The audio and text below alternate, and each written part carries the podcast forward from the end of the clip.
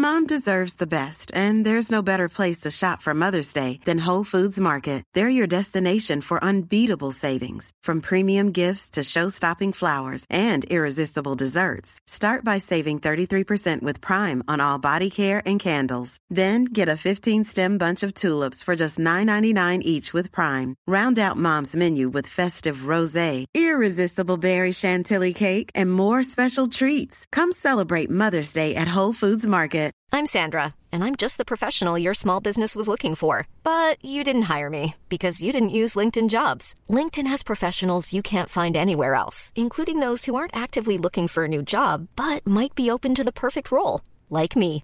In a given month, over 70% of LinkedIn users don't visit other leading job sites. So if you're not looking on LinkedIn, you'll miss out on great candidates like Sandra. Start hiring professionals like a professional. Post your free job on linkedin.com/people slash people today. Hey Dave. Yeah, Randy. Since we founded Bombus, we've always said our socks, underwear and t-shirts are super soft. Any new ideas? Maybe sublimely soft. Or disgustingly cozy. Wait, what? I got it. Bombus. Absurdly comfortable essentials for yourself And for those facing homelessness. because one purchased equals one donated. Wow, did we just write an ad? Yes. Bombas. Big comfort for everyone. Go to bombas.com slash ACAST and use code ACAST for 20% off your first purchase. Idag har vi äran att välkomna tillbaka en kär gammal vän som vi har samarbetat med, ja, med till och från i över fyra år nu, som vi vet gör en enorm skillnad, nämligen Läkarmissionen. Nu är det knappt tre veckor kvar till mors dag och vi tänkte knyta ihop det för just kvinnor och mammor är ett fokusområde för just Läkarmissionen. Ja. Och spontant när jag tänker på mors dag så tänker jag på så här, blommor och teckningar från barnen och frukost på sängen och så. Men det är ju en lyx som bara vissa kan unna sig. Men det finns en gåva som både du och jag kan ge en annan mamma. Och det är en gåva som räddar liv, nämligen en säker förlossning. Visste ni att det varje dag dör runt 800 kvinnor i världen till följd av sin graviditet eller förlossning? Alltså inte varje år, utan varje dag. Det är Ja, men det är helt oacceptabelt. Och särskilt när man vet att nio av tio dödsfall skulle kunna undvikas om de bara hade fått rätt vård. Och det är här som vi i vår poddfamilj, för jag, jag ser faktiskt oss, alltså ni lyssnare och mig och Vivi som en stor familj. Ni vet ju typ mer än mig än vad Niklas vet. och, ja, men det är det här som poddfamiljen kommer in i bilden. Och vi har en målsättning, och det är lika bra att säga det nu, men vår målsättning är att få in 500 nya månadsgivare till Läkarmissionen fram till mors dag. Och för det så behöver vi er hjälp. Och 500 månadsgivare, det kan ju låta lite då med tanke på att vi har 78 miljoner lyssnare. Men den sorgliga sanningen är att det är svårt att få månadsgivare. Det är många som känner att de vill hjälpa till men sen så kommer man inte till skott. Man kanske glömmer av det. Jag vet själv hur det kan vara. Och så tänker man så här, nästa månad ska jag göra det. Men så blir det aldrig av. Så vårt mål är att ni ska se det här som ett tecken på att nu är det dags. Och för att det kanske ska bli lite lättare så har vi en gåva till er som blir månadsgivare. Just nu, så länge laget räcker, så får du ett Mom Wow-armband som gåva när du blir månadsgivare. Det är ett superfint armband som eh, Vivi har tagit fram tillsammans med hennes kollega. Och Du kan välja mellan guld eller silver. Så du ger alltså en mors dagpresent som räddar liv och får en fin gåva till dig själv eller till någon annan mamma du tycker om.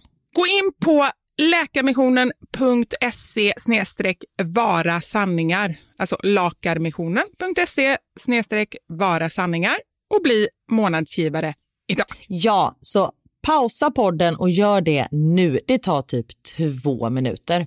Sen fortsätter du lyssna och känner värmen av att ha gjort något gott sprida sig i kroppen. Tack Läkarmissionen. Vi har även den här veckan ett samarbete med Rusta Ja, det har vi. Och sist så pratade vi om deras gigantiska utbud när det kommer till saker som man kan pynta och piffa uteplatsen med. Och Karin, nu har jag några nyheter till dig. Wow! Nu har jag nämligen, ja men på riktigt, Jag är helt chockad över att jag har nyheter. Exakt. Lyssna på det här. Min lilla balkong, du har ju sett den, den har ju varit totalt kal Ja. i de två åren som vi har bott här. Mm. Nu, nu är den inredd. Allt från rusta och den har blivit så fin. Det är kafébord, två stycken jättefina korgstolar. Jag har en så här lite härlig matta som gör att det känns mer ombonat. Ett insynsskydd där jag har hängt upp såna här solceller och en sak som jag inte ens visste fanns men som har blivit så himla fint. Dekorationsställning heter det. Låter lite konstigt. Det? Men det är liksom som en ställning som man sätter ovanför bordet. Man sätter alltså fast den på sidan och så är det som en gardinstång högst upp. Nu förklarar jag jättedåligt känner jag. Jag förstår ingenting. Jag får komma hem till dig och titta på din rusta inredda balkong helt enkelt. Nej men lyssna nu. Man kan alltså hänga eh, ljuslyktor och lite blomslingor i den här och så blir liksom hela balkongen så här ombonad och mysig. Det låter ju helt magiskt. Det är det också. Men jag tänker så här, vi snackar ju fortfarande Sverige. Jag tänker att det kanske är lite kyligt på kvällarna, eller hur? Ja, det är det. Så jag antar att du också har fixat massa nya filtar och infravärme och ljus och annat sånt som värmer dig, eller hur? Ja, men jag har allt. Det är verkligen så himla bra. Just att Rusta verkligen har allt för livet utomhus. Kvalitet till ett bra pris helt enkelt. Precis. Besök Rustas varuhus eller rusta.com. Tack så mycket Rusta! Radioplay. Hur vet man om det är dålig självkänsla, introvert eller bara att barnet har svårt att visa känslor?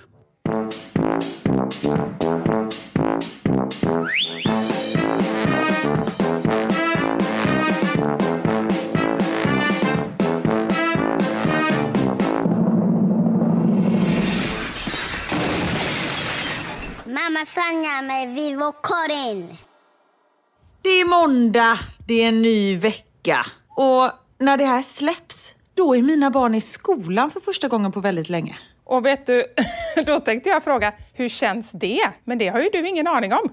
Nej, precis, eftersom vi spelar in det här lite i förväg. Men jag tror att jag mår ypperligt as we speak. Ja, men jag tror också det, för du har ju längtat efter att eh, komma tillbaka lite till ja, men så naturligt det kan bli de här tiderna kan man väl säga. Ja, och det är ju fortfarande supermärkligt allting. Men jag gillar ju rutiner. Jag gillar ju att ha en vardag. Alltså sommaren har varit helt fantastisk. Vi har vaknat varje morgon och bara, vad ska vi göra idag? Nej men det var fint väder, då åker vi och badar. Alltså det har varit helt grymt. Men jag gillar att få lite struktur på tillvaron. Men du, för det tänker jag också så här, det måste ju också ha kommit när man fick barn, att man gillar det här med strukturen. För jag kan inte minnas att det var så tidigare. Då var det ju mer så här, åh, ta dagen som den kommer, vara ute sent en kväll, gå... YOLO! Ja, ja, precis. Nu är det ju verkligen ingen YOLO. Nej men det var ju så här att tänka bara gud jobba 9 till 5, hämta barn, gupp, fy fan. Men nu man bara åh, nu är det liksom porr. Porr! Nej men att det är så, jag, jag vet inte. Jag bara, va? Nej men så här, vi har bytt ut en språk, eh, eller så här bokstavskombination, YOLO, mot en annan, som vi pratade om tidigare, FOAMS, Fear of Missing Sleep. Det är ungefär så. Precis. Exakt. Ja. Ja, hur mår du då? Jo tack, det är fint. Det är ungefär samma här. Lite tillbaka till rutinerna och, och sådär. Men jag tycker alltid det tar någon vecka innan man är helt tillbaka. Man har vänt lite på dygnet, barnen är lite extra trötta och, och även jag. Men eh, nu börjar vi komma tillbaka i det igen. Ja men vad skönt. Vad bra. Och du, det här avsnittet som vi spelar in eh, nu, eller som ni sitter och lyssnar på, det är ju ett lite speciellt avsnitt. Det är det. För hela det här avsnittet är nämligen i samarbete med Dove. Vi gjorde ju det förra året också och det blev en hejdundrande succé. Får man säga så om någonting som man själv har gjort? Det är klart man får. Bra, då gör jag det. Men det är därför som vi gör det igen. Dove har ju någonting som heter Dove Self Esteem Project. Och det är ju inte bara ett fantastiskt projekt, utan det är också någonting som är ett superviktigt projekt. Verkligen. Dove Self-Esteem Project skapades med eh, vision att skönhet är en källa till självförtroende och inte till oro. Och de har sedan 2004 nått ut till över 60 miljoner unga människor med utbildningar i självkänsla. Och nu hoppas ju vi på att eh, vi ska nå ut till fler, för jag tänker vi har ju ändå typ 65 miljoner lyssnare. Ja, precis. Där dubblade vi ju det med en gång. Ja men precis! Men i det här projektet så har de med hjälp av experter tagit fram en guide som hjälper oss föräldrar att bygga våra barns självkänsla. Mm. Och vi vet, eftersom vi har pratat om det här tidigare och vi fick ju jättefin feedback från er lyssnare, att den här guiden verkligen fungerar och det är det som känns så himla bra att vi nu kan hjälpa fler och nå ut till fler och sprida detta. Senare i avsnittet så kommer Maria, som är barnpsykolog, hit och svarar på både våra och era frågor. För ni har ju haft möjlighet via våra Instagram att ställa frågor kring barn och självkänsla. Och Maria, hon var med oss även förra gången och jag känner att jag lärde mig otroligt mycket då. Verkligen, det var mycket så här, aha, så här aha-upplevelser. Så det, det ska bli väldigt roligt att höra på den igen. Och även om det kanske blir lite liknande svar från förra gången så är det ju, repetition är ju alltid bra, eller hur? Ja, ja, gud ja, absolut. Speciellt för dig och mig eftersom vi har minne som guldfiskar. Ja, precis. Det är verkligen det jag tänker på. För jag vet när jag har gjort de här övningarna, för nu har jag gått tillbaka och gjort dem igen, då känner jag bara så här, men det var ju så här det var. Men det är som med allt Precis. annat, som med träning, som med HLR, alltså man behöver upprepa det regelbundet för att det ska sitta. Och när du säger övningar, då menar du alltså den här guiden då som heter Jag är unik, som innehåller flera övningar som man kan göra för att hjälpa sitt barn att stärka sin självkänsla. Ja. Men innan Maria kommer så tänker jag att du och jag kan ju prata lite, för vi är ju, ah, jag vill ju inte säga att vi är psykologer, men typ. Ja, men, så, nej, men så här har vi väl kommit fram till. Du är ju läkare, du är doktor Karin. Ja. Och jag är typ, ja, men jag är väl ändå psyki... Jag kan inte ens uttala det. Så jag är nog inte psykiatrik, psykiat, psyki, psykiatriker. Ja, eh, nästa fråga. Ja. Om man inte kan uttala sitt eget yrke så tror jag inte att man är det.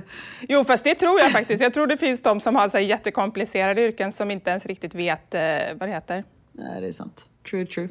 Men du, vad är självkänsla för dig? Ett kort svar skulle jag säga att det är att man känner sig bra utan prestation. Att man känner att man har ett egenvärde för den man är, inte för det man gör. Gud vad bra. Jag kände att det var ett ganska bra svar, eller? Oh, Gud, vi tar in Maria nu. Nu är det stopp. Nej, men det var ett väldigt klokt svar. Nej, men det att man känner sig trygg i sig själv. Och att man vågar lita på sig själv. Och det är ju klart, det är ju inte i alla lägen jag gör det. Men jag tror att jag har nog en ganska så här grundligt bra självkänsla. Tror jag. Men som sagt, det kommer inte till... Det är liksom inte i alla lägen. Men oftast. Nej, men det är det jag kan tänka också att eh, kan det inte vara så att man ändå har en relativt bra grundkänsla men sen så kan det ändå svikta och så har man sina så här bra områden och lite sämre områden, alltså de man kanske behöver öva lite mer inom och sen andra områden så är det så här, men där känner man sig ganska trygg. Absolut. Och hur, när du säger att man ska öva, Ja. hur gör du då? Hur tänker du för att, liksom, för att bygga din självkänsla? Alltså, jag tror ju mycket på vad ska man säga, affirmationer. Och liksom, affirmationer är egentligen att liksom prata positivt till sig själv, om sig själv. Och Det handlar ju både liksom om kroppslig självkänsla, hur man ser ut, men också hur man är som person. Så att man liksom så här försöker intala sig själv, lika väl som tvärtom. Om man tänker väldigt elaka tankar om sig själv och pratar elakt om sig själv, så befäster man ju det också. Jag är ganska övertygad om det. Så jag tror att jag, det är nog någonting jag, all, eller jag har i alla fall försökt att inte göra, det är att liksom prata illa om mig själv. För jag bara känner att, vad ska det leda till? Ska någon annan säga då så här, nej du är inte alls sån. Då känner jag bara så här, om jag verkligen tycker att det är någonting, låt säga att jag tycker att jag har dålig hy. Och så säger du, nej det har du inte alls. Ja, men då tror jag att du ljuger. Men säger du, ja det har du nog. Då mår jag ju dåligt över det. Alltså det finns ju ingenting positivt. Ja. Då är det bättre att försöka intala sig. Att man åtminstone så här, man behöver inte ens tänka på huden. Det är att man är bra som man är, strunt i huden. Smart. Bra. Hur tänker du? Nej men det... Jag försöker också tänka positivt och som sagt det är ju inte i alla lägen man liksom självkänslan är på topp. Men då försöker jag verkligen fokusera på det positiva. Mm. Och sen om det är någonting där det svajar, nej, då försöker jag få mer kunskap inom det området kanske. Liksom få mer kött på benen för då kan man mer, när jag får kunskap om någonting då känner jag mig trygg och då ja. växer min självkänsla. Ja, bra, jättebra. Mm. Så det är nog det. Men det här med självkänsla hos barn. Ja. Den här guiden kommer med hur mycket bra tips som helst. Mm. Och jag har verkligen så suttit och reflekterat över så här, men hur, vad gör jag för att bygga mina barns självkänsla? Och det pratade vi om förra gången när Maria var med oss, när vi pratade om det här. Att just bara visa att ge sina barn trygghet och närhet och kärlek. Mm. För det kan de ju aldrig få för mycket av och det tror jag bidrar till att de får en bättre självkänsla. Så det är på det sättet jag jobbar. Mm. Och det vet jag att det gör ju du också. Det är ju inte så att du, jag kör tvärtom. Ja, precis. Nej, men det är ju jätte, jättebra, men då tycker jag att där kommer vi till något som jag tycker är lite svårt. Det är ju så här att i uppfostran så handlar det ju också om att liksom sätta gränser, säga ifrån, kanske säga mm. till om barnet gör någonting som de inte får göra eller som inte är bra för dem och sådär. För då kan jag ibland tycka så här, är detta dåligt för deras självkänsla? Låt säga då att man har ett barn som är väldigt eh, lättkränkt eller blir väldigt ledsen och känner så här, lägger skuld på sig själv till exempel. Och så mm. säger man till och så blir de jätte jätteledsna. Då tycker jag det är jättesvårt att veta, gör jag någonting nu som är dåligt för deras självkänsla? Det kommer jag fråga Maria. Den frågan har jag med mig som min egna fråga. För jag tycker att, eh, för det är lätt i teorin, så som vi säger här, att man ska ge dem trygghet och kärlek och sådär. Men det kan ju komma specifika tillfällen när man känner att man vet inte om det man gör är bra eller dåligt. Absolut, och just det här med, med barn som är, nu gör jag citationstecken här, det syns inte, men lättkränkta. Uh -huh. Det har jag också fått in jätte jättemycket frågor om. Mm. Och jag vet Theo hade en period då han var super, alltså han blev kränkt med en gång man sa till honom. Mm. Då blir man verkligen, nu har han vuxit ifrån det. Jag vet inte vad det är för att han liksom, nej men han har mognat och man kan prata mer med honom. Uh. Vilket underlättar, men det var jättejobbigt. För som du säger, man vet inte vad man ska, gör jag fel nu? Jag, jag måste ju säga till honom, men jag vill ju inte att han ska liksom, det är jättesvårt. Ja, ja, det är verkligen det. Men så därför så tycker jag att liksom, vi kan diskutera kring det här och ge varandra bra tips. Men det är väldigt värdefullt att faktiskt få hit en människa som har liksom, som studerat detta och jobbar med det dagligen. Mm. Hon har ju dessutom skrivit en bok, Vad alla föräldrar borde veta, som jag verkligen mm. rekommenderar. För där är bra kunskap inom området som är väldigt lättillgänglig och det tycker vi föräldrar om. Det ska inte vara komplicerade saker. Nej, verkligen inte. Men du, låt oss prata lite om så här kroppslig självkänsla. Ja. För kroppslig självkänsla, det är ja, hur vi tänker och känner kring vårt utseende och hur det påverkar vårt beteende. Mm. Visste du att det här är siffror från en undersökning som Dove har gjort? Åtta av tio tjejer känner en sån stor oro över sitt utseende att de väljer bort viktiga aktiviteter. Och det kan vara allt ifrån att simma och idrotta till att besöka läkaren eller till och med gå till skolan. Den här undersökningen riktar in sig mest på tjejer men detta gäller ju såklart killar också. Men tjejers oro över sitt utseende kan få dem att avstå från att leva sitt liv fullt ut. Mm. Och det är så fruktansvärt hemskt. Och det enda jag tänker då, liksom så här, för man vill ju på något sätt komma till roten med problemet. Var börjar det? Alltså så här, för man förstår ju att det är, som förälder kan man göra en hel del och det är det vi ska göra och det är det vi ska jobba med. Och sen tänker jag också så här, allt utomstående, jag tänker alla sociala medier, mm. alla liksom, vad som händer i skolan och sådär. Så det känns ju, vi ska göra det vi kan göra, men vi kan ju även påverka yttre faktorer i den mån att åtminstone prata. Jag vet det är jättesvårt nu när mina barn börjar bli äldre så inser jag att det är inte som när barnen är yngre och man bara, du får inte titta på Youtube eller liksom man bara tar bort paddan eller sådär. Mm. Det blir en helt annan diskussion men man kan fortfarande ha diskussionen kring liksom hur de tänker kring sociala mediekonton, vilka de följer, vad de tycker om dem och så vidare. Så, här, mm. så att man åtminstone skapar en reflektion. Det tror jag är viktigt. Verkligen. Och nu har ju vi båda två pojkar, men det är ju, alltså Theo har ju kommenterat sin kropp och sånt där också. Någon gång efter den hade haft maginfluensa så var det så här, och jag sa så här, men gud vad smal du har blivit. Vilket var fel från min sida för då liksom kommenterade jag hans kropp. Men det var ju för att han hade legat sjuk en vecka liksom, så jag reflekterade mm. över det. Han bara, åh bra, att vara smal är bra. Mm. Då blir man så här, vad, vad, vad, vad händer liksom? Ja. Och då undrar man ju så här, då var han ju typ fem och ett halvt, sex år. Man är så här, var får han det ifrån? Mm. Och jag tror att allting, eh, nu ska jag inte säga att det är allting, men mycket börjar ju hos en själv, alltså hos mig. Mm. Om jag ska få honom att förstå att utseendet inte har någon betydelse, att det är insidan som räknas, nu låter det klyschigt men det är ju faktiskt så det är. Då kan ju inte jag stå och prata om min kropp framför Nej. honom. Ja. Så jag tror allting börjar hos oss själva. För att vi ska kunna hjälpa våra barn att bygga deras självkänsla så handlar det om vår egen självkänsla i botten. Absolut, precis så. Ja. Och första kapitlet i eh, Doves guide handlar om just detta, att lära sig älska sig själv. Och det är ju är det lättare sagt än gjort alltså. Mm. Jag har, om jag ska vara helt ärlig, inte toppenbra kroppslig självkänsla. Är det så? Är det något särskilt som du liksom tror har påverkat dig gällande det? Nej men min kropp förändrades väldigt mycket efter jag fick barn. Men då försöker jag verkligen fokusera på så här, men jag kan fortfarande, även om min kropp inte ser likadan ut, vilket inte är konstigt för jag har producerat liv. Jag har liksom gett av min kropp i, om man ska räkna graviditeten med Max så är det ju sju år typ. alltså, nej men det, det, har vuxit liv inuti mig i 18 månader. Mm. Jag har givit av min kropp så att de här barnen har fått mat. Mm. Men ibland kan det ju vara svårt att se det på det sättet. Men det är så jag liksom försöker verkligen fokusera. Och just att, nej men även om inte jag har rutor på magen, jag kan fortfarande dansa, jag kan mm. fortfarande uttrycka mina känslor med hjälp av min kropp, jag kan leka med mina barn, jag kan, mm. jag hoppar från ett hopptorn på tre meter häromdagen. Wow! Jag kan liksom göra, jag vet! jag kan fortfarande göra fantastiska saker med min kropp. Det spelar mm. liksom ingen roll hur den ser ut. Nej. Och det är just det som den här, I den här guiden så finns det så här åtgärdslista ja. med punkter som man kan eh, följa. Mm. En sak som jag tycker är väldigt bra, de är inne på en av punkterna är just det här med att liksom knyta an till sin kropp. Mm. Och det är någonting som, det här handlar mer om liksom att man ska så här, känna in sin kropp och liksom fokusera på olika delar av kroppen och sådär.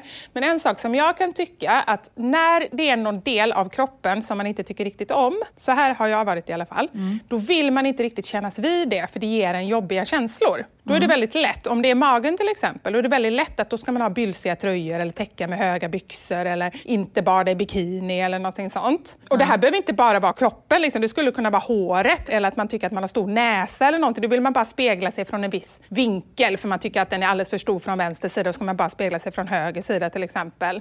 Men mm. att då faktiskt effektivt, aktivt jobba KBT-mässigt med sig själv, fastän mm. det är skitjobbigt, för det är det om det är någonting som man tycker är riktigt jobbigt och har lite ångest för. Då är det jobbigt att stå där och titta på sin mage och känna på sin mage eller om det är näsa eller vad det nu är för någonting.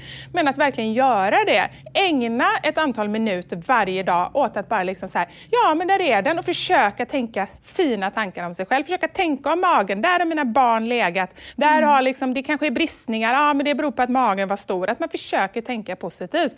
Och det kan ju, jag tycker själv, för att jag har också jobbat på det här sättet och det är lätt att tänka så här, men vad hjälper det? Men det hjälper. För man ger sig själv signaler att man är okej okay och mm. att den här kroppsdelen, man, liksom, man embracear den tänkte jag säga, men man liksom tar in den på ett annat sätt. Mm. Och någonting som jag tänker på, att det är ju svinbra att kanske stå och titta så här i, i spegeln och så här, med min näsa och, och bara så här acceptera, nej men det är så den ser ut. Då får jag väl göra det bästa av situationen då. Alltså att man bara accepterar det också. Mm. Att man inte stannar upp i den tanken för mycket. Mm. Förstår du vad jag menar? Det låter flummigt. Men, ja, jag, ja. Förstår. Nej, men jag förstår helt. Och just det här också, så alla bara, oh, man måste älska sin kropp. Nej men okej, det är klart att det är målsättningen. Men om man inte så här kan gå från att tycka någonting är jobbigt till att älska den, så kanske acceptans är ett jättebra, liksom, det är ja. någon form av neutral mark. Acceptera sig själv. Precis. Man måste säga, ja, men det är så här det är. Uh -huh. Den fungerar ju, det är toppen. Och sen, som du var inne på, att man ska inte jämföra sig själv med modeller eller skådespelare. Liksom, bilderna man ser i tidningarna, de är hur retuscherade som helst. Ja. Och det är därför också, jag kan ju tycka det är så här, det känns ändå som att vi håller på att komma ifrån det här supertunna modet till att mm. liksom höfter, rumpa. Jag reagerade över det när eh, vi träffade några vänner som har tonårsbarn. Mm. Ett gäng tjejer som verkligen så här, de framhävde sina kurvor och de ville verkligen så här, ja men de var stolta över dem. Jag bara kände vad jag blev glad över det. Och mm. jag tror att det ena ger det andra, så får man se det mer i sociala medier och sådär. Så liksom Ja, men det handlar mer om att hitta en variation. Att man, mm. Oavsett hur man ser ut och när man kollar på sin Instagram eller kollar i en tidning så ska man hitta andra som ser ungefär likadana ut. Ja, eller att man ser helt olika ut. Att det ja. finns en variation som du säger. Ja. Anna, men vi ser olika ut och vi är olika. Det är ju det som är så fantastiskt. Tänk om alla hade sett exakt likadana ut. Mm. Gud vad tråkigt. Håller helt med.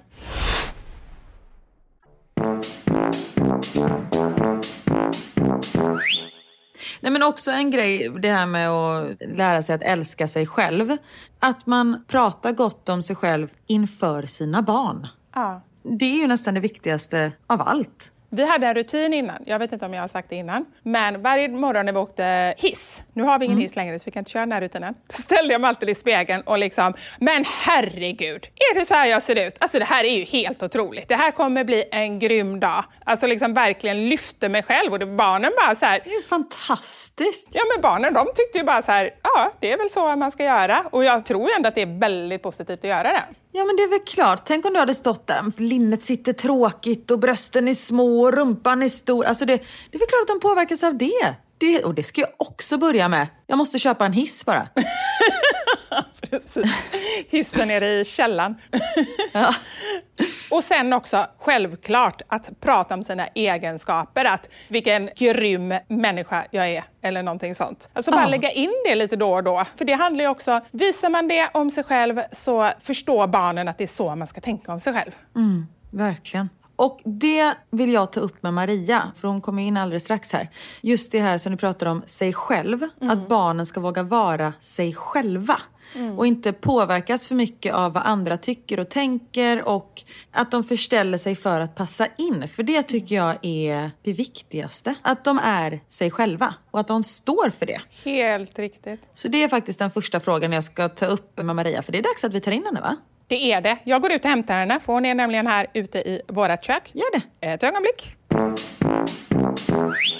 Ja, då sitter jag här alltså med Maria Laloni. Välkommen! Tack! Vi har sett fram emot att du ska komma så mycket. Både jag och Karin har ju samlat på oss en massa frågor och sen har vi också fått in mängder av frågor. Mm. Det märks att det här är ett ämne som engagerar. Verkligen. Ja, jag kan tänka mig att det är det. Ja. Mm. Och Karin hade ju en fråga här. Ja, precis. Hur, hur mår du Maria? Tackar som frågar. Ja men det är bra. Mm. Det har varit en ganska hetsig dag och start efter semestern men annars så är det bara fint faktiskt. Vad skönt. Jag helt otrevlig bara, nu har vi här Maria, nu ska vi fråga. Det är bra Karin, du, du sköter allting för oss. Nej men ni pratade ju lite innan vi tryckte på räck här också så ni har ju faktiskt hälsat. Det var jag som sitter i en annan stad. Ja. Men jag hoppas att ni mår bra också. Ja, ja det är bra tack.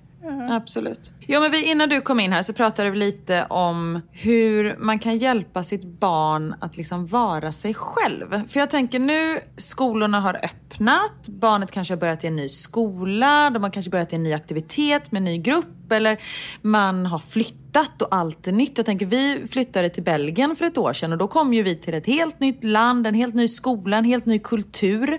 Och många barn och ungdomar de vill ju inte sticka ut utan de vill ju vara som alla andra. Men jag tycker också att det är väldigt viktigt att de fortsätter våga vara sig själv. Finns det någonting man kan hjälpa sitt barn med att göra för att de ska våga vara sig själva? Superlätt fråga, eller hur? Varsågod. ja. Det är en svår fråga tycker jag. Ja. För att jag tror att det inte finns något enkelt svar på det. Utan att det snarare är så att liksom allt som vi gör som föräldrar. För det första att vi verkligen är good enough skulle jag säga. De allra flesta av oss gör verkligen så gott vi kan och vi rustar våra barn på ett bra sätt. Mm. Men det handlar ju mycket om just det. Att rusta barnen för de olika påfrestningarna som de eh, kommer att vara med om mm. i livet. Mm. Och då finns det ju lite olika saker som man har sett är viktigt. Exempelvis då att man, ja men att man spenderar mycket tid tillsammans i familjen. Att man är närvarande på så sätt som förälder. Mm. Att man har en accepterande och liksom varm inställning till sitt barn. Eller liksom en kärleksfull relation till barnet. Mm. Att man visar det för barnet. Att man verkligen ja, men att man gillar barnet och att man lyssnar och sådana saker. Mm. Är det främst liksom i ord eller i handling eller är det allt bara? Ja, men det kan ju vara både ord och handling. Ja. Och eh, det passar ju olika bra för olika personer. Ja. För vissa är det svårt att säga och för andra är det lättare att göra och tvärtom. Ja. Men så jag tror att allt det här som man redan har gjort som förälder från första början rustar barn för att kunna stå på sig och kunna vara sig själva. Mm. Men sen är det ju också så att de kommer ju kunna behöva kanske ja, men hitta nya roller och sig själva i nya sammanhang och då kanske man inte är exakt precis som man var innan utan att man blir påverkad av andra också. Mm. Alltså det behöver inte bara vara negativt. Nej, just det.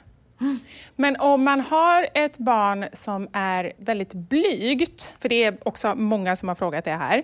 Hur mycket ska man pusha det barnet? Är det bra för självkänslan att pusha eller går man då utanför barnets gränser och får dem att bli någon som de inte är? Mm, det är en jättebra fråga också tycker jag. För att det beror ju lite på hur det går och liksom hur mycket man pushar och på vilket sätt snarare tycker jag. Alltså, mm. Det kan vara bra att pusha men det är inte bra att pusha och sen att det inte går bra. Nej. Så man måste ju anpassa lite så att barnen får förutsättningar att liksom lyckas med det som de ska göra. Mm.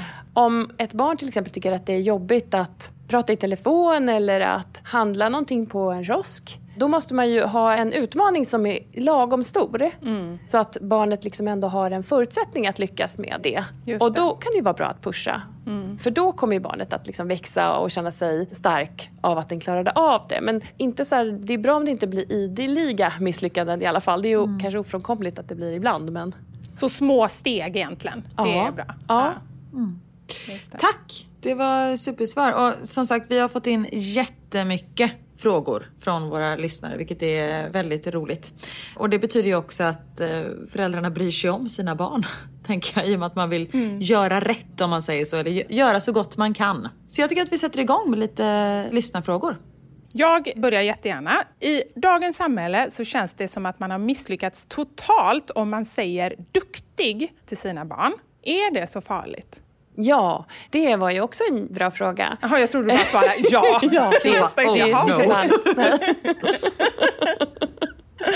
Nej men det är en bra fråga för det är sånt som man kanske ibland så biter sig i tungan om man säger det liksom för mycket. Mm. För att det är klart att om man bara får positiv uppmärksamhet från sin förälder i samband med att man presterar och är duktig och ja. att man bara får höra att man är duktig så är det ju lätt att man fastnar i den rollen och att det är det som man då gör för att alla barn behöver ju uppmärksamhet mm. och bekräftelse. Så att ja, det kan ju bli då att man kan fastna i en sån roll, att man mm. blir den duktiga pojken eller duktiga flickan. Men eh, det är såklart att ett förlupet duktig liksom, det är inte hela världen. Nej. Nej, men jag tänker liksom så här att för i dagsläget så känns det ju nästan som att nu har jag sagt fel, nu har jag verkligen förstört mitt barn när man säger det. Det verkar som att många tycker det och då ska man veta att det är inte kört men man kan försöka tänka på det. Ja men verkligen, det kan man ju göra och man kan ju då försöka tänka så här, ja men vad är det mitt barn gör? Kan jag liksom se det som barnet gör? Så processen mm. i stort sett. Alltså ansträngningen. Det behöver ju inte bara vara att någonting blev bra utan att ett barn försöker med någonting jättemycket som var svårt är ju en jättestor och viktig insats. Mm. Så det behöver ju inte bara vara att man är duktig för att man har klarat någonting utan att man också ser liksom ansträngningen. Men hur skulle du uttrycka det då om barnet till exempel har lärt sig simma? Barnet har precis här simmat sina tio första meter själv. Hur skulle du uttrycka dig för att liksom bekräfta barnets framgång?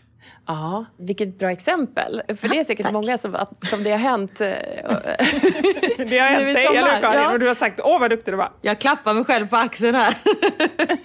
Men där ser man ju, det är ju fantastiskt att höra att man är, nu fick ju jag höra att jag var lite duktig för att jag formulerade frågan bra, att du gjorde ett bra exempel. Och det känns ju bra. Ja. Ja, det är verkligen ett bra exempel. Och jag tänker också så här, att för barn mm. så är det ju ofta nästan själva belöningen i sig är ju att de har klarat det här. Mm. Att de liksom märker att de bemästrar att faktiskt simma tio simtag. Mm. Och bara att vi ser det, mm. tror jag, verkligen räcker. Att man sover bredvid och liksom bara så här, Ja, man bara wow. Eller liksom, med barnet. Du simmar. Uh. Fantastiskt. Mm. Mm. mm. Bra. Hur vet man om det är dålig självkänsla, introvert eller bara att barnet har svårt att visa känslor?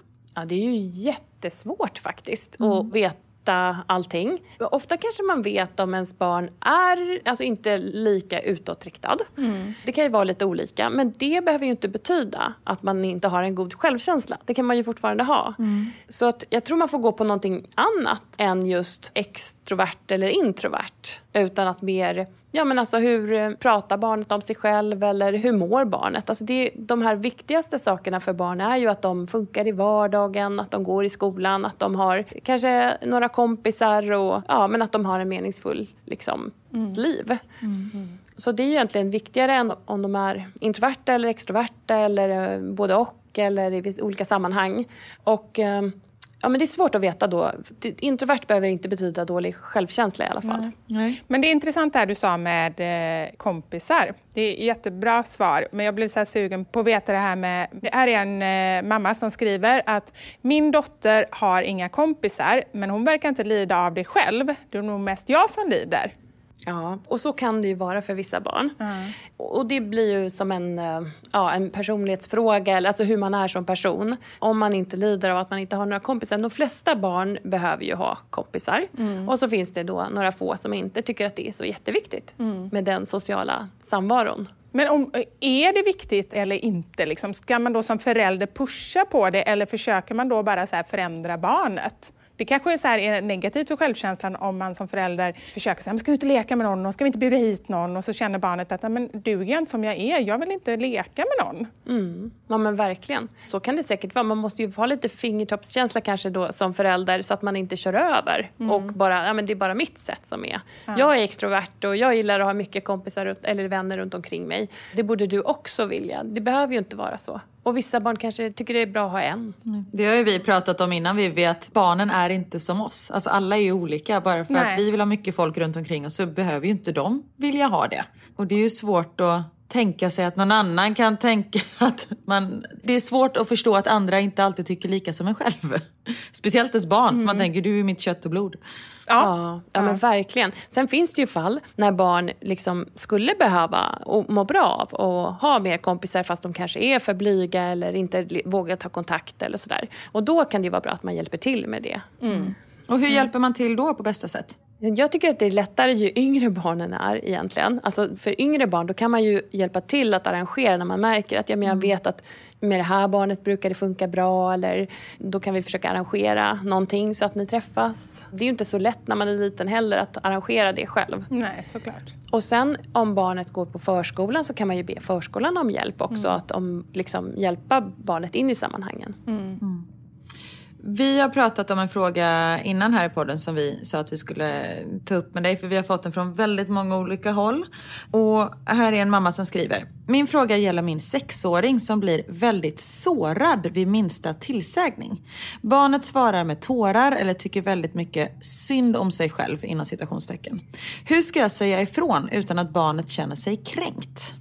Ja, det där är också... Jag tror att det är ganska vanligt mm. och eh, ja, det är också en väldigt bra fråga. Det är inte helt heller superlätt tycker inte jag för att barn är ju verkligen olika känsliga. Mm. Ibland så kan det vara så att man bara säger till och så tycker barnet att man skriker. Alltså, mm. det, det, kan uppfattas på väldigt olika sätt. Mm. Det är klart att barnet kommer ju behöva någon gång få lite olika tillsägelser kanske av tränare eller av lärare eller så. Så det kanske kan vara bra att, att, liksom, att diskutera lite med barnet att nej men jag uppfattade inte det som att jag sa till så jättesträngt nu utan att jag skulle bara vilja att kan du göra det här eller mm. att man försöker liksom resonera lite kring det. Nej men det är ju svårt, är det ju. Mm. Jag tror att det ofta blir bättre med tiden, skulle jag säga, med den här typen av problem. Att mindre barn kan tycka att det här är svårare än när de blir lite större. Mm. Så det oftast kan gå över av sig självt. Så har man ett yngre barn som blir väldigt sårat så ska man prata, jag vill bara säga om jag uppfattar det rätt, man ska prata med dem, försöka resonera med dem men inte liksom känna att det är så här barnet är utan det kan också vara en period. Ja men det kan det ju verkligen vara. Och sen kanske man heller inte behöver göra världens grej av det heller ju. Mm. Alltså, det är ju en balansgång. Man får känna efter lite hur det är för ens eget barn, vad som blir bra för det barnet. Mm. För att om, man, om det blir en stor grej så kan det ju bli, ja men det är något fel på mig då eller mm. För jag berättade tidigare förut att min Theo som är sju år nu. Tidigare så blev han väldigt kränkt när man sa till. Och då blev det till slut att man avvägde om det var värt att säga till eller inte. Men i vissa fall så måste mm. man ju säga till. Men ibland när han liksom blev kränkt då så vet man ju inte ens om han lyssnar för att han har fullt upp med att vara kränkt. Ja. ja, det är sant. Det blir ett hinder. Ja, men nu när han har blivit äldre då har man ju kunnat resonera på ett helt annat sätt som man kan förklara. Så nu upplever jag det mm. inte alls att det är på det sättet. Vilket är mm. väldigt skönt. Ja, jätteskönt. Men jag tror att det kan vara liksom, i vissa faser och barn går ju igenom perioder när de är mer känsliga, när det är saker som händer runt omkring dem och inuti dem, mm. när det kan vara jobbigare mm. med tillsägelser. Vi har ju väldigt många mammor med eh, små barn, bebisar. Och eh, här är en mamma som undrar, mitt barn är tre månader. Kan man påverka sitt barns självkänsla redan som spädbarn? Ja, vilken rolig fråga. För att det, det är ju svårt att förstås att om man skulle undersöka det. Alltså det är mm. svårt att undersöka om självkänslan påverkas mm. ju, med så små barn. Men som jag ser på självkänsla så skapas ju den i relation till andra. Ja. Så att om självkänsla handlar om hur jag är eller hur jag uppfattar att mitt värde är enligt mig själv mm. så grundar ju den sig på hur jag blir bemött av andra. Så såklart mm. att i början är det ju föräldrarna som är de viktigaste. Mm. Så jag skulle absolut säga att det är rimligt att tänka sig att mm. man kan påverka sitt barns självkänsla, eller om man kanske inte pratar i de termerna. Nej, Men att man kan börja tidigt. Och vad är det man ska göra då med sin lilla bebis för att stärka den? Ja, alltså när det är ett barn som är tre månader, då skulle jag säga att, att lyssna på barnets signaler, att vara mm. liksom följsam, att förmedla det här med värme. För barn kommunicerar även om de är tre månader. Mm. Så att, att liksom inte bara strunta i, i det utan att liksom vara följsam och följa efter och ja, samspela med barnet. Mm. Men då måste jag bara ha en fråga. För som du säger att man ska lyssna på barnets signaler och sånt här. Men första barnet tyckte jag att det var väldigt mycket lättare att göra det. Om Theo var ledsen så tog jag upp mm. honom och gav honom kärlek. Vilket jag gjorde såklart med Max också. Men han kanske fick vänta 30 sekunder innan jag lyfte upp honom för att jag var tvungen att stå och steka köttbullar till Theo. Det är väl ingenting som liksom kommer påverka dem för resten av livet. Att man kanske inte gör allting direkt. Nu hoppas jag att du säger nej, nej. det kommer inte påverka för annars mår jag dåligt. nu vet jag varför han men, tror att han har tio liv. Ja, precis.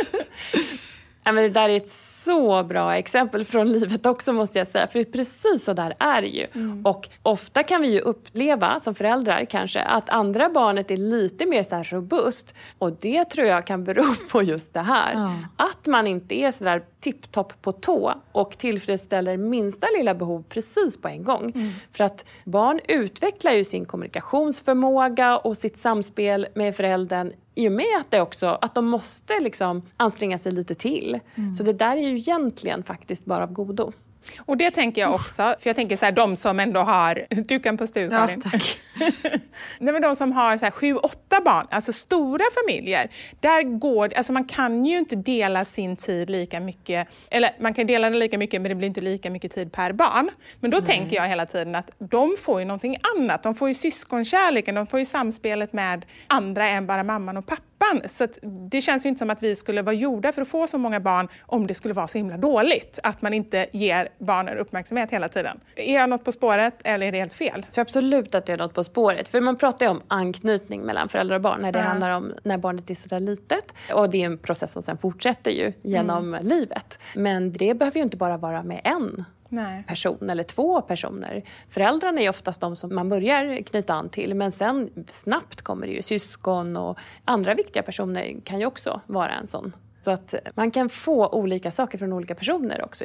Mm. Och det är det jag tänker också det här då med andra barnet, för det var ju samma sak för mig när jag fick andra barnet och förmodligen för 80 procent av er hemma, att man känner att man inte riktigt räcker till. Mm. Men att man kanske då ska försöka tänka att då finns ju det här stora syskonet som måste vara en fantastisk källa till liksom både kärlek och igenkänning och bus och allting. Att det finns en treåring också. Liksom. Precis. Ja men verkligen. Det är ju verkligen en eh, gåva ja. att få ha ett syskon. Mm. Hur kan man på ett bra sätt få barnet att sluta att jämföra sig med andra? Ja, lurigt. För det kan ju vara massa olika saker. Att man jämför sig med andra på kanske när man spelar fotboll eller i skolan eller mm. Alltså man kan ju i alla fall försöka som förälder att inte lyfta fram bara prestation så mycket. Att det bara handlar om vem gjorde målet eller vem gjorde flest mål mm. eller vem eh, skrev eh, den bästa uppsatsen eller sådär. Mm. För det är ju eh, bättre att jämföra sig med sig själv. Ja. Det blir ju mer en rättvis jämförelse också. Mm. Men då, nu tar jag ett exempel från mitt liv då eftersom det är ganska lätt för mig att göra. Som Theo till exempel tycker inte alls att det är roligt att spela fotboll för att han är ingen fotbollsspelare, så enkelt är det. Han, kommer, han är liksom inte nästa Zlatan. Och då blir det ju att han inte spelar i och med att han inte tycker att han är bra. Men då försöker jag alltid så här, för fotboll är en sån grej, i alla fall bland hans kompisar, de spelar fotboll och då blir det att Theo liksom inte är med. För att han jämför sig med dem och tycker att han själv är dålig. Men då försöker jag bara pusha på liksom att nej men det är roligt, det spelar ingen roll hur det går, huvudsaken är att du är med kompisarna och har roligt. Är det liksom så man ska Ja, tänka då? Att ja. man trycker på det istället? Ja men absolut, att trycka på det som är roligt. Men sen kan det ju också vara så att eh, det kanske inte är roligt. Eller liksom, man tycker ju inte alltid att allt är... Man har ju olika intressen. Och det kanske finns något annat också som flera andra barn gör som man kan dela tillsammans med andra på rasten eller, Mm. eller så. Men absolut, om man kan hitta glädjen i att det bara är kul att man liksom är tillsammans och gör någonting. Mm. Som att spela fotboll så Mm. är det toppen. Att Mm. inte liksom lägga in så mycket prestation i det. Precis. Jag lider själv av psykisk ohälsa och känner mig sällan glad. Hur mycket påverkas min dotter av det? Och vad kan jag göra i så fall för att mildra?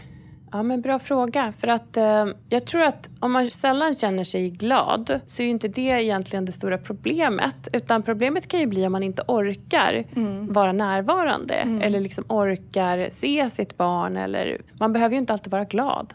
Nej, men jag tänker mer så här om man mår jättedåligt, då handlar det Ja. kanske inte om, nu uttryckte hon sig så här, men det kanske Mm. inte handlar om att hon inte sitter och ler utan att hon bara är så här, allt Svart. känns bara svart. Ja. Och då kanske man inte klarar någonting plus att Mm. liksom, man kanske har svårt att vara den här, liksom ändå le mot sitt barn och, och ge barnet den här Ja, närvaron. men jag fattar. Jag fattar. Ja, men då alltså, om det känns så att allting är bara svart och man inte orkar någonting, då är det ju viktigt att det också finns andra personer. Mm. Att man kan ta hjälp av andra i den situationen. För då kommer man kanske inte orka. Nej. Om det finns en annan förälder eller om det finns någon annan person som kan vara viktig för barnet under en period när det är tufft. Men om man inte har någon närstående som kan hjälpa till, oavsett om det handlar om det här eller någonting annat, vad skulle du rekommendera då? Finns det något ställe som man kan vända sig till? Kanske Mm. inte du har koll på? Ja, ja, precis. Alltså, om det är så att man är orolig för barnets utveckling så kan man ju vända sig till, om det är ett litet barn, då till BVC Mm. och lyfta de här frågorna. De kan ju hjälpa till med olika former av eh, ja, men behandlingar. För ibland kan det ju vara så att man kanske känner sig mycket mer dålig än vad man faktiskt är. Man Mm. kanske behöver hjälp med att lyfta de här sakerna när det funkar bra. Mm. Och just sådana saker kan man få hjälp med inom barnhälsovården eller ja, men inom BUP också. Men jag tänker om mamman mår dåligt, Mm. ja, då kan hon också vända sig dit. Ja, precis. Om hon känner sig orolig för barnets utveckling. Men om det handlar om ens egen hälsa så Ja. är det såklart att man också ska söka hjälp för det. Ja. Absolut. Ja. Och då gör man ju det. Alltså man kan ju söka på vårdcentralen till exempel. kan ju vara ett första steg. Ja. Eller till psykiatrin. Mm. Jättebra, Mm. tack. Hur bemöter man eller hanterar övervikt hos barn utan att påverka deras självkänsla? Det är ju en viktig fråga tycker jag. För att det är tufft att vara överviktig som barn. Man kan känna sig utpekad och speciell och sådär. Så att det är viktigt att man får känna en acceptans tror jag för den man är som person. Man är ju inte bara sin kropp. Men även den kroppen är ju också en bra kropp som Mm. fungerar. Mm. Ja, men som man kan göra massa saker med.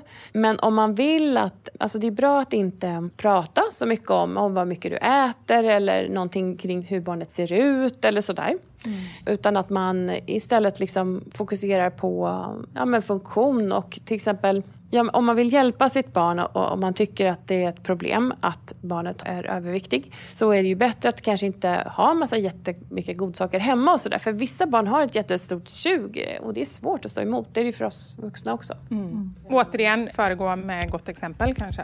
Ja men verkligen. Föregå med gott exempel är ju alltid en bra käpphäst. Som man Jag kan... tänker på det för att vi fikar ju ofta så här, ja, med så här choklad och godsaker och så. Men jag har insett nu under sommaren att barnen blir lika glada när jag tar fram massa så här färgglada bär och vattenmelon i stavar och de får vara med i affären och välja. Alltså så här, att man involverar barnen i det så kan man ju hitta en glädje med, det behöver inte vara onyttigt liksom. Nej men verkligen. Och sen såklart om man vill, man kan ju också få hjälp från vården och hur man ska förhålla sig och sådär. Men absolut, att det finns ju jättemycket bra alternativ. Jag sitter där och ryser för du har så bra svar på allting. Mm, nej. jo, men du är så klok. Jo men det är jätte, jättebra, verkligen. Ja. Min son har tics som bara har blivit värre den senaste tiden. Han håller på och låter konstigt med näsan. Jag upplever att det är mer när han är stressad eller verkar osäker. Har det med dålig självkänsla att göra och vad ska jag göra åt det? Tics har inte med självkänsla att göra. Utan tics är väldigt, väldigt vanligt hos barn. Ja. Alltså barn kan ha tics i perioder och sen går det över. Sen kan man ju ha tics som håller i sig länge. Alltså som, så att det blir mer som ett, eh, ja, någonting som finns med längre. Och då ser man ju att under stressiga perioder så kan det bli mer tics. Men det betyder inte att det har med självkänsla att göra. Utan att det är mer, ja men om man har ett barn som ticsar så kan man försöka minska på stressen. Mm. Att eh, skapa lite, ja, men lite lugnare kring barnet om det är möjligt. Så kan det vara liksom gynnsamt för att det minskar.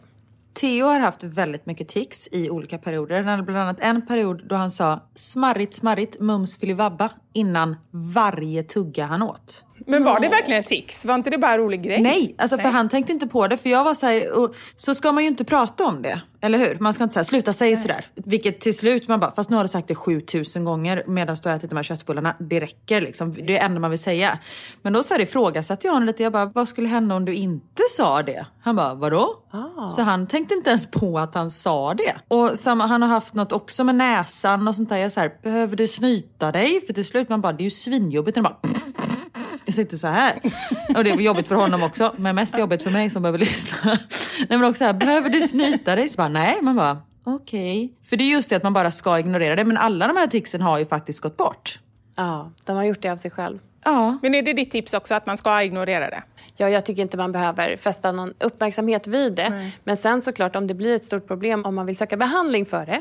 Då finns det ju olika behandlingar. De handlar ju ofta om att man ska försöka hålla tillbaka.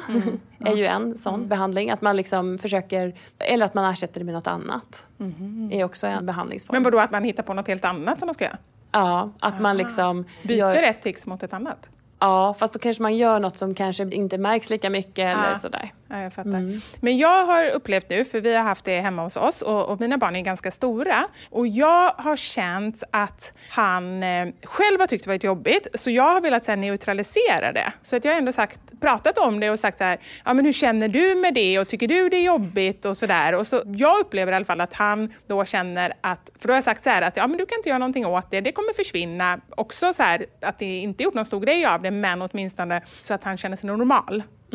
Är det ett okej sätt eller? Jag hoppas det. För Ja. har jag redan gjort det. Ja men absolut, för att jag tror att det, det kan ju märkas mycket i relation till andra ändå. Så att det kan ju vara bra att om barnet är så stort så att den märker att andra reagerar på det så kan det ju vara bra att lyfta upp det på bordet också. Absolut. Men att inte göra någon stor grej av det. Är det samma sak när det kommer till stamning? För det är Max som är tre år. Han stammar otroligt mycket i perioder. Och ibland kan han verkligen så här fastna vid ett ord. Och jag har frågat honom, jag, bara, jag frågar så här, hur känns det? Eller någonting. Han bara, men ibland är det svårt att få fram orden. Och då bara, men hur känns det? Är det är okej. Man bara, okej. Okay.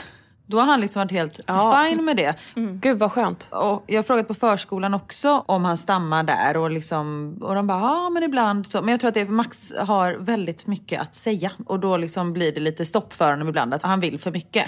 Men också säger jag bara, men reagerar andra barn på det? För det är lite där jag tror att det är därför Max inte bryr sig för att ingen annan reagerar på det. Och det är ju underbart, Ja. eh, tycker jag. För, för egentligen är det ju så ofta med barn att de är väldigt sådär, um, accepterande gentemot att andra barn inte är exakt likadana som de själva och att de kan fungera på lite olika sätt. Sen är det skillnad när man är tre år och när man är 12 år kanske.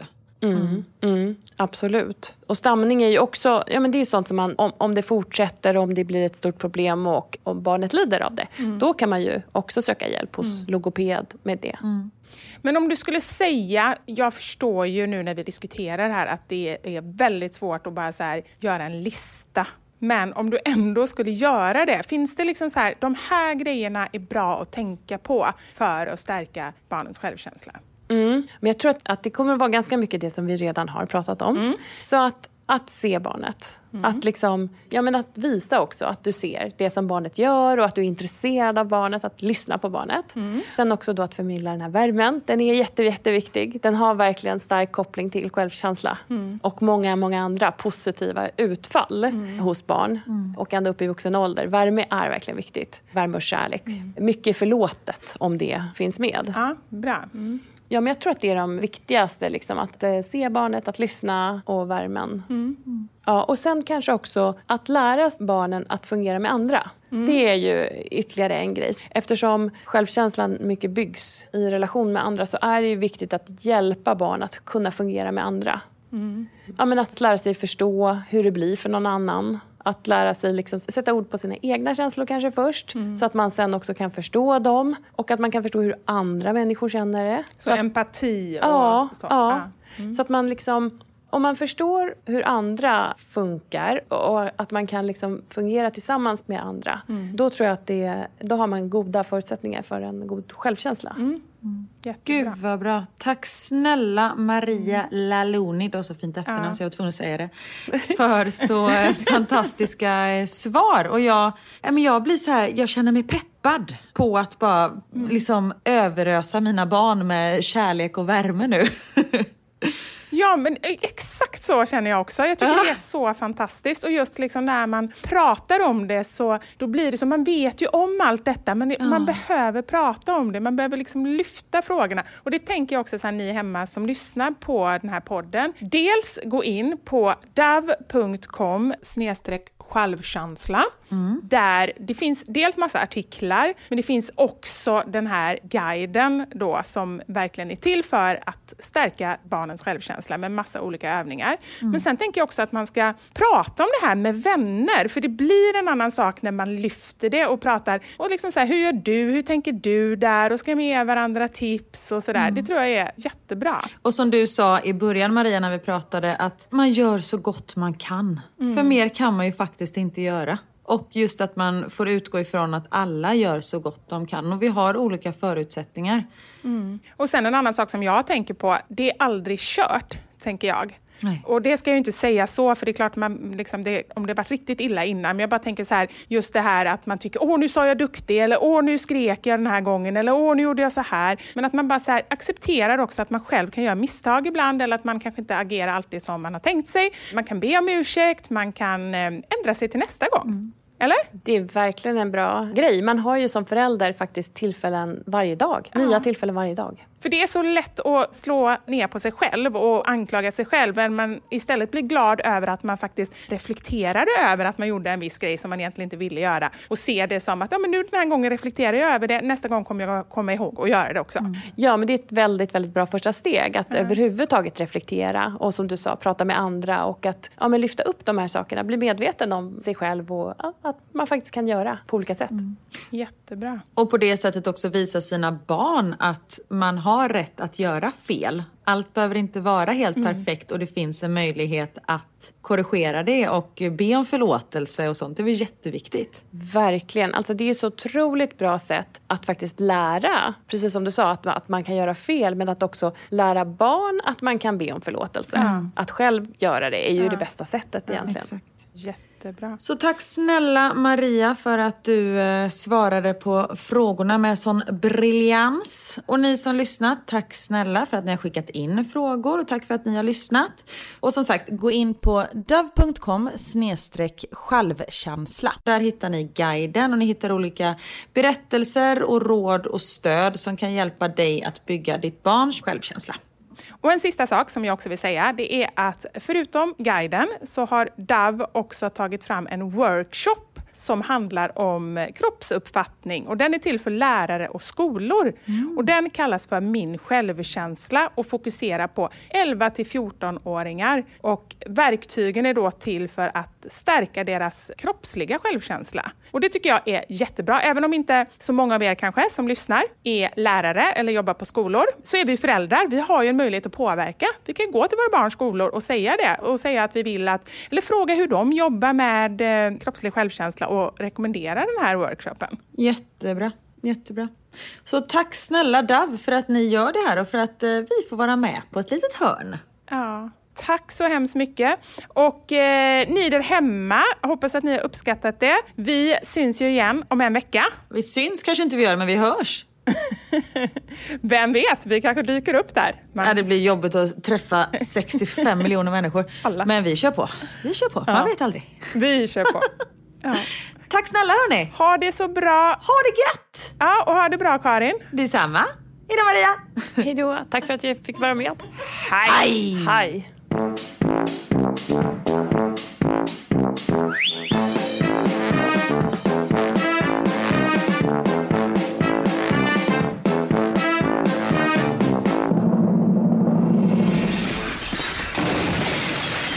Mamma Sanja med Vivo Karin.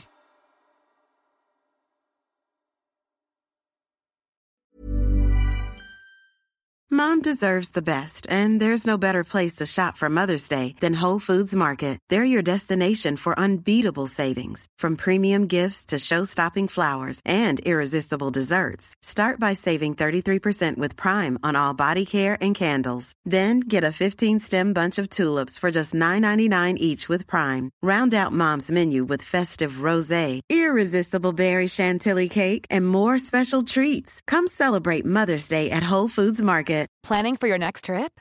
Elevate your travel style with Quince. Quince has all the jet setting essentials you'll want for your next getaway, like European linen, premium luggage options, buttery soft Italian leather bags, and so much more. And is all priced at 50 to 80% less than similar brands. Plus, Quince only works with factories that use safe and ethical manufacturing practices. Pack your bags with high-quality essentials you'll be wearing for vacations to come with Quince. Go to quince.com/pack for free shipping and 365-day returns. Imagine the softest sheets you've ever felt. Now imagine them getting even softer over time. That's what you'll feel with Bowl and Branch's organic cotton sheets. In a recent customer survey, 96% replied that Bowl and Branch sheets get softer with every wash. Start getting your best night's sleep in these sheets that get softer and softer for years to come. Try their sheets with a 30-night guarantee. Plus, get 15% off your first order at bowlandbranch.com. Code BUTTERY. Exclusions apply. See site for details.